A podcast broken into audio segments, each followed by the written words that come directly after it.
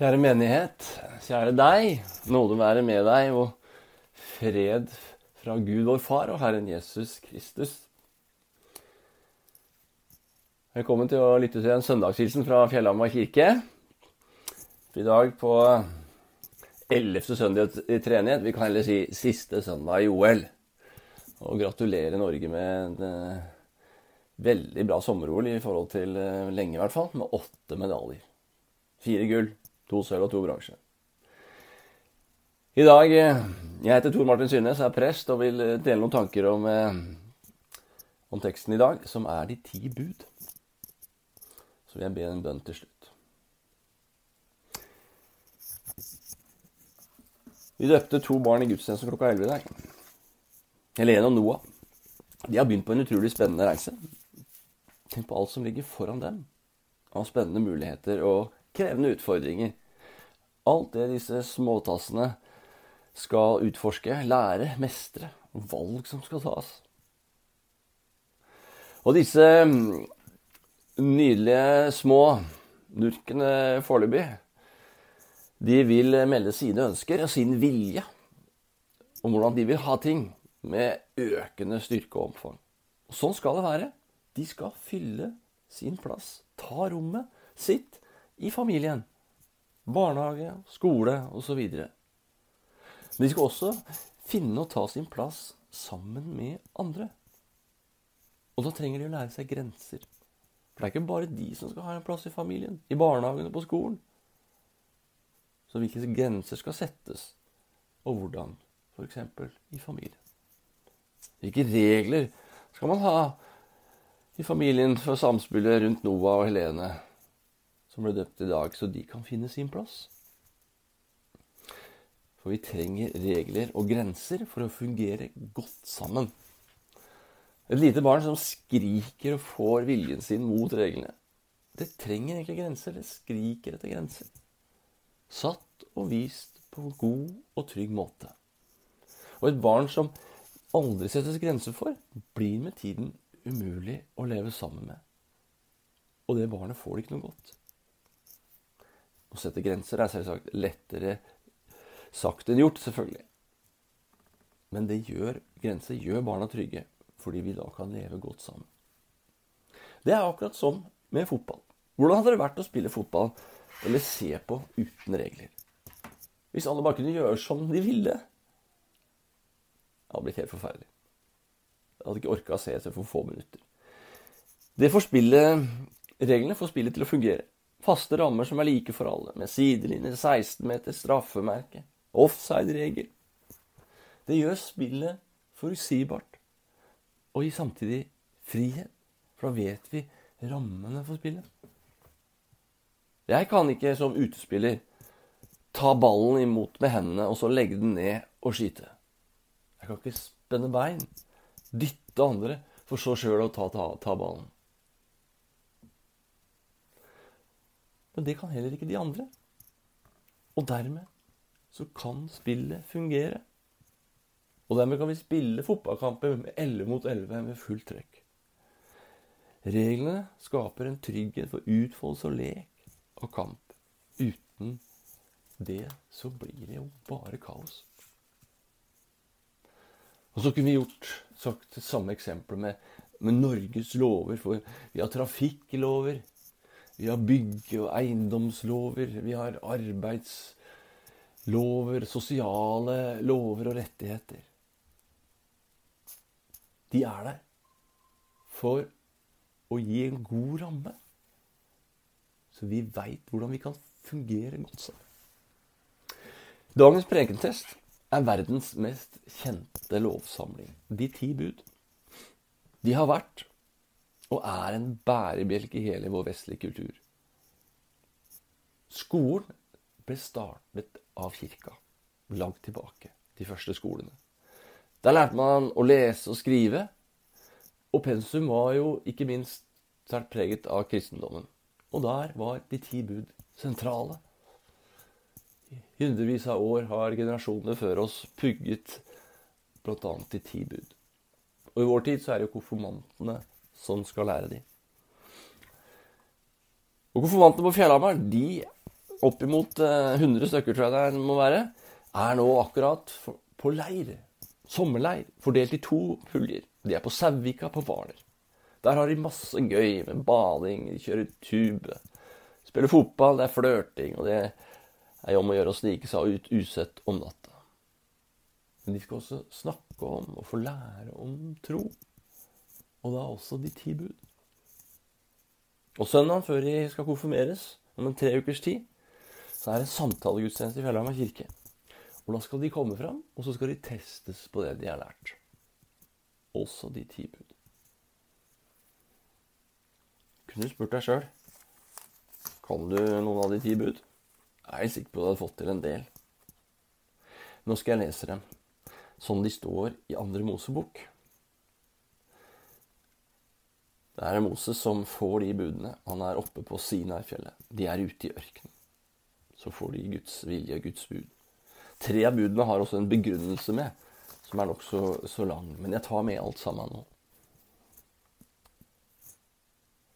Gud talte disse ordene. Jeg er Herren din Gud, som førte deg ut av Egypt, ut av slavehuset. Du skal, ikke ha andre, ikke ha andre guder enn meg. Du skal ikke lage deg gudebilder, ingen etterligning av noe som er oppe i himmelen, eller nede på jorden, eller i vannet under jorden. Du skal ikke tilbe dem og ikke la deg lokke til å dyrke dem. For jeg, Herren din Gud, er en nidkjær Gud, som straffer barn i tredje og fjerde ledd for fedrenes synd når de hater meg, men viser trofast kjærlighet i tusen slektsledd mot den som elsker meg og holder mine bud. Du skal ikke misbruke Herren i Guds navn. For Herren frikjenner ikke den som misbruker Hans navn. Husk sabbatsdagen og hold den hellig. Seks dager skal du arbeide og gjøre all din gjerning, men den sjuende dagen er sabbat for Herren i Gud. Da skal du ikke gjøre noe arbeid, verken du eller din sønn eller din datter, verken slaven eller slavkvinnen din, verken buskapen din eller innflytteren som bor i byene dine. For på seks dager laget Herren himmelen og jorden, havet og alt som er i den men den sjuende dagen hvilte han. Derfor velsignet han sabbatsdagen og helliget. Du skal hedre din far og din mor, så du kan leve lenge i det landet Herren din Gud gir deg. Du skal ikke slå i hjel. Du skal ikke bryte ekteskapet. Du skal ikke stjele. Du skal ikke vintne falsk mot din neste. Du skal ikke begjære din nestes hus. Du skal ikke begjære din nestes kone slaven eller slavekvinnen hans, oksen eller eselet hans, eller noe annet som hører de neste til.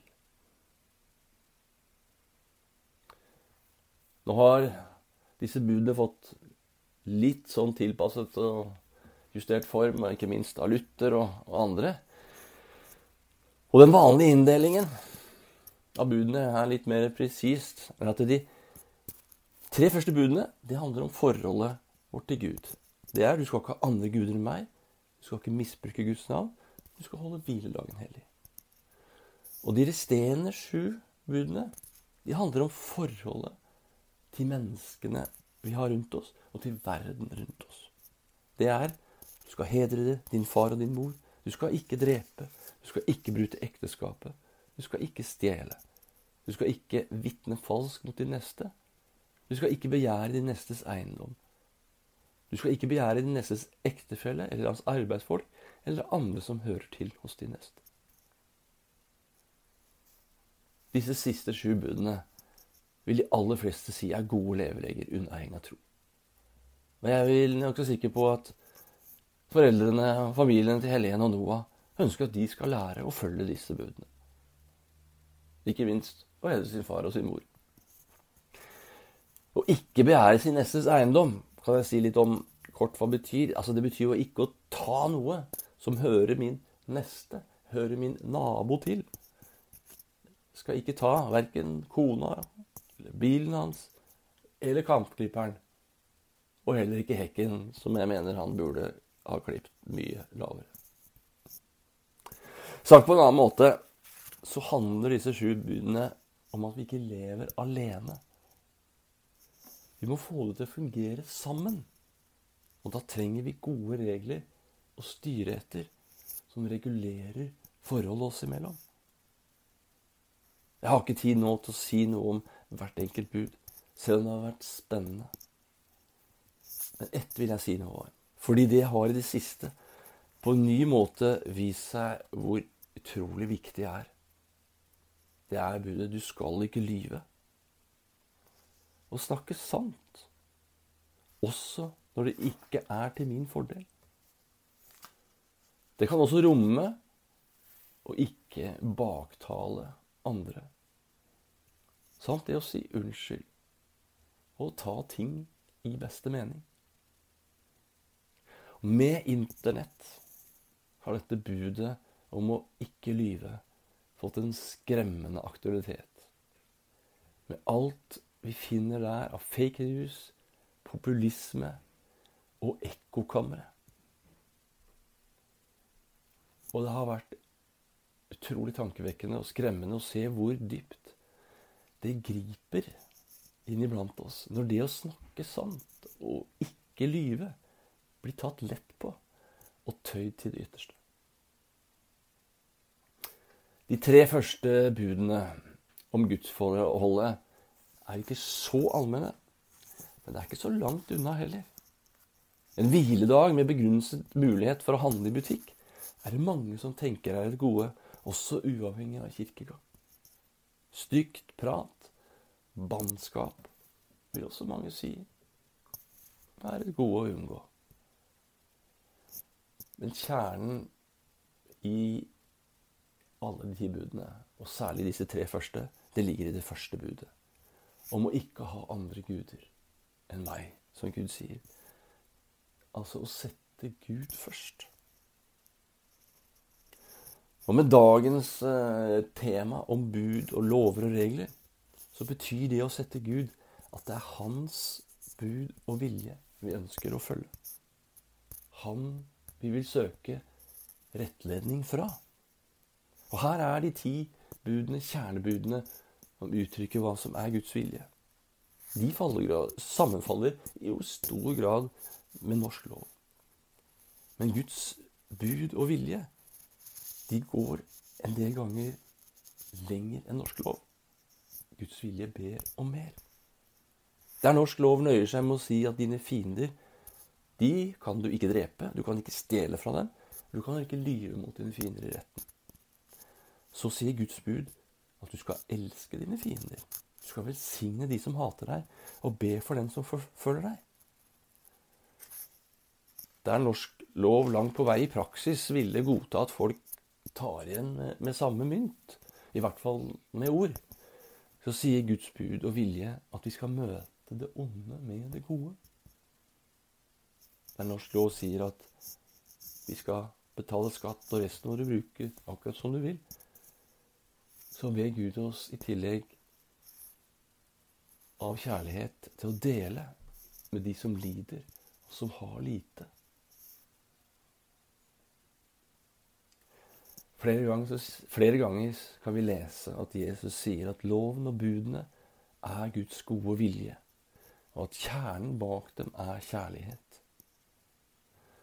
Budene er gitt til vårt eget beste, i kjærlighet og omsorg av Gud som har skapt oss, og Han som kjenner oss og livet bedre enn oss selv. Det er kjærlighet og omsorg som gjør at Helene og Noah som små barn ikke får lov å leke ute i bilveien. Og som heller ikke får lov å leke med den skarpe kjøkkenkniven. Det er farlig for et lite barn. Det settes grenser. Det lages regler fordi de er elsket. Og i Romerne 13 så sier Paulus dette så utrolig bra. Da sier han den som elsker sin neste, har oppfylt loven. For disse budene du skal ikke bryte ekteskap, du skal ikke slå i hjel, du skal ikke begjære, eller hvilket bud det så er, det sammenfattes i dette.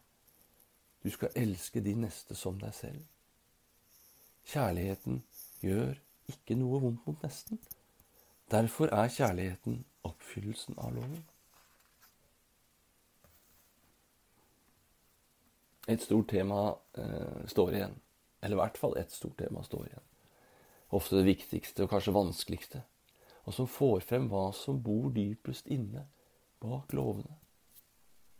Hva skjer når loven brytes? Hva skjer da? Hvilke reaksjoner får? Hva skjer når den brytes med viten, overlegg og vilje? Hva skjer når loven brytes med anger etterpå, eller fordi man ikke greide bedre? Min tid i dag er brukt opp. Så det må du egentlig komme tilbake en annen søndag for å høre mer om. Men én ting vil jeg si. Akkurat som kjærlighet er kjernen bak buden og reglene, hvorfor de er gitt, så er kjærlighet og nåde den dypeste karakteren ved Gud, som er den som skal felle dom over våre lovbrudd. Jesus kom og tok straffen for våre lovbrudd, så vi i nåde skulle gå fri. Det er Guds kjærlighet.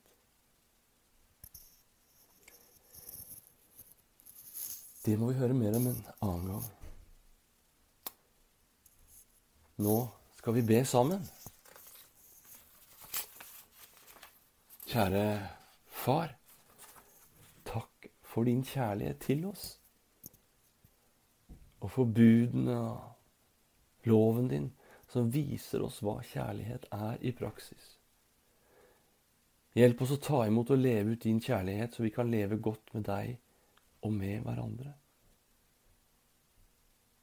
Nå ber vi for alle konfirmantene som er på leir på Sauvika, og de mange lederne som er sammen med dem. Takk for alle disse herlige ungdommene. La de få ha det gøy. La de få ta vare på hverandre, alle sammen. Og la dem lære å kjenne deg, Jesus, og din kjærlighet og gode vilje. La oss sammen be den bønnen Jesus lærte oss. Vår Far i himmelen. La navnet ditt helliges. La riket ditt komme. La viljen din skje på jorden slik som himmelen. Gi oss i dag vårt daglige brød, og tilgi oss vår skyld, slik også vi tilgir våre skyldnere. Og la oss ikke komme i fristelse, men frels oss fra det onde, for riket er ditt, og makten og æren i evighet. Amen. Ta imot velsignelsen. Herren velsigne deg og bevare deg. Herren la sitt ansikt lyse over deg og være deg nådig. Herren løfte sitt åsyn på deg og gi deg fred. Amen. Da er Søndagspuls 8. Eh, august, ja. Ferdig. Takk for at du hørte på. Og så ønsker jeg deg en god søndag, eller hvilken dag det måtte være videre.